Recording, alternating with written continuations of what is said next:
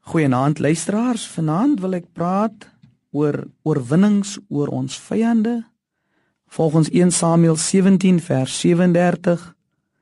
Verder sê Dawid: "Die Here wat my gered het uit die klou van die leeu en uit die klou van die beer, hy sal my red uit die hand van die van hierdie Filistyn."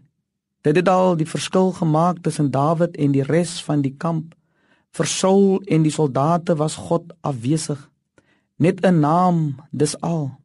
Hulle het geglo dat hy in die verlede vir sy volk groot dade verrig het en dat hy in die toekoms in die dae van die Messias weer sy hand met mag sal openbaar vir die Here het niemand skynbaar aan hom gedink nie.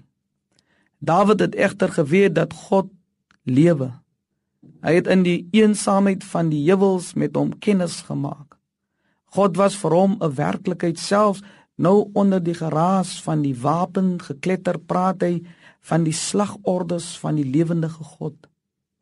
Dit is wat ons ook so nodig het, 'n besef van die lewendige God waar ons ook al mag gaan. Daar is oral Goliaths op ons pad, versperrings, beproewings en moeite, maar as antwoord op dit alles is 'n geloofsblik op die magtige God. Dawid het vroeër ondervinding van die ondersteunende krag van hom hoog gehad. As herder het hy 'n leeu en later 'n beer in die veld te teëgekom en hulle van kant gemaak.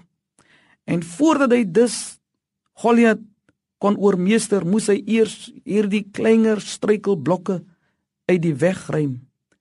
Jong man, jong dogter, luisteraar voordat u in staat sal wees om in die openbaar lewe klinkende oorwinnings te behaal, moet u in die verborge waar niemand u sien nie getrou bly. Daar is die kwellende probleem van persoonlike onreinheid wat 'n kragte in die geheim ondermyn of wat in 'n stryd kan dit afgee. Die Here wil daar vir u tot verlossing dien.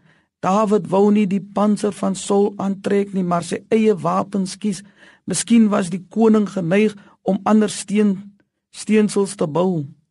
Maar as op die Here die jonge man daarenteen wou net hom homself wees. Ons ouers moet nie soog vir die versoeking om al ons gedagtes en metodes op die jeug te laat aflaai nie.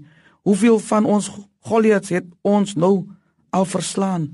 Dink aan sulke magtige vyande soos alkoholisme, materialisme, jeug, misdaad, prostitusie, Elkeen van hulle loop op en af voor ons kerkvolk en daag ons uit tot die stryd en as 'n jong profeet hulle ander gee ons ons seën of ons kritiseer ons hom.